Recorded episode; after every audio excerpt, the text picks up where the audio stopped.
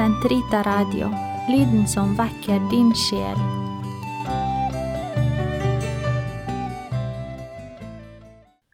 Den katolske kirkes katekisme, uke 44, lørdag 2380 til 2386. Krenkelse av ekteskapets verdighet.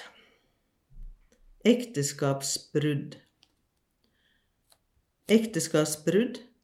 Dette ordet betegner utroskap i ekteskapet. Når to partnere, hvor minst den ene er gift, inngår selv en kortvarig seksuell forbindelse, begår de ekteskapsbrudd.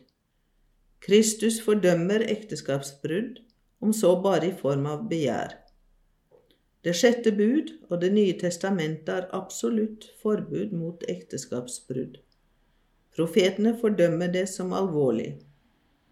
I ekteskapsbrudd ser de et bilde på avgudsdyrkelsens synd.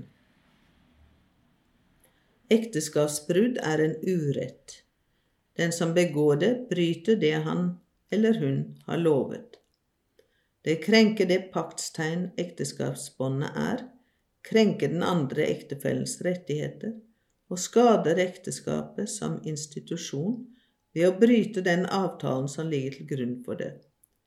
Det bringer den menneskelige forplantning og barnas ve og vel i fare fordi de trenger et stabilt og trygt forhold mellom foreldrene. Skilsmisse Herren Jesus fremhevet skaperens opprinnelige hensikt, som var at ekteskapet skulle være uoppløselig. Han opphever de innrømmelser som hadde sneket seg inn i den gamle lov. Mellom døpte kan et inngått og fullbyrdet ekteskap ikke oppløses av noen menneskelig makt og ikke av noen som helst grunn, med unntak av døden. Separasjon med bibeholdelse av ekteskapsbåndet kan tillates i visse tilfeller som er forutsett i den kanoniske rett. I fall sivil skilsmisse er den eneste måten å sikre visse lovlige rettigheter på, omsorg for barn eller sikring av arv, kan dette tolereres uten å utgjøre noen moralsk synd. Skilsmisse er en alvorlig overtredelse av naturloven. Den søker å bryte den avtale ektefolkene frivillig har inngått om å leve sammen inntil døden.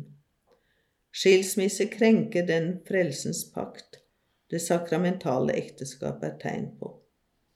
Å inngå nytt ekteskap, selv om dette er anerkjent av den sivile lovgivning, gjør bruddet enda verre. Den gjengifte ektefelle befinner seg da i offentlig og vedvarende ekteskapsbrudd.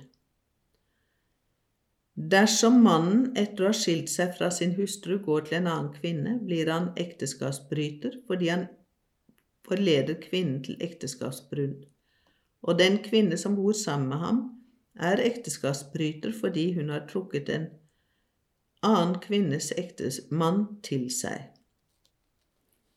Skilsmisse er også umoralsk på grunn av den uorden den skaper i hjem og samfunn.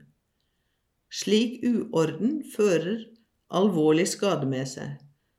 For den forlatte ektefellen, for barna, traumatiserte av at foreldrene har gått fra hverandre, ofte dradd mellom dem, ved sin smittevirkning som gjør skilsmisse til en sann pest for samfunnet. Det kan forekomme at en av ektefellene er det uskyldige offer i en sivil skilsmissedom. Vedkommende bryter da ikke moralbudet. Det foreligger betydelig forskjell mellom en ektefelle som ærlig har forsøkt å forbli trofast mot ekteskapets sakrament, og som blir urettferdig forlatt, og den som ved alvorlig synd ødelegger et kanonisk gyldig ekteskap.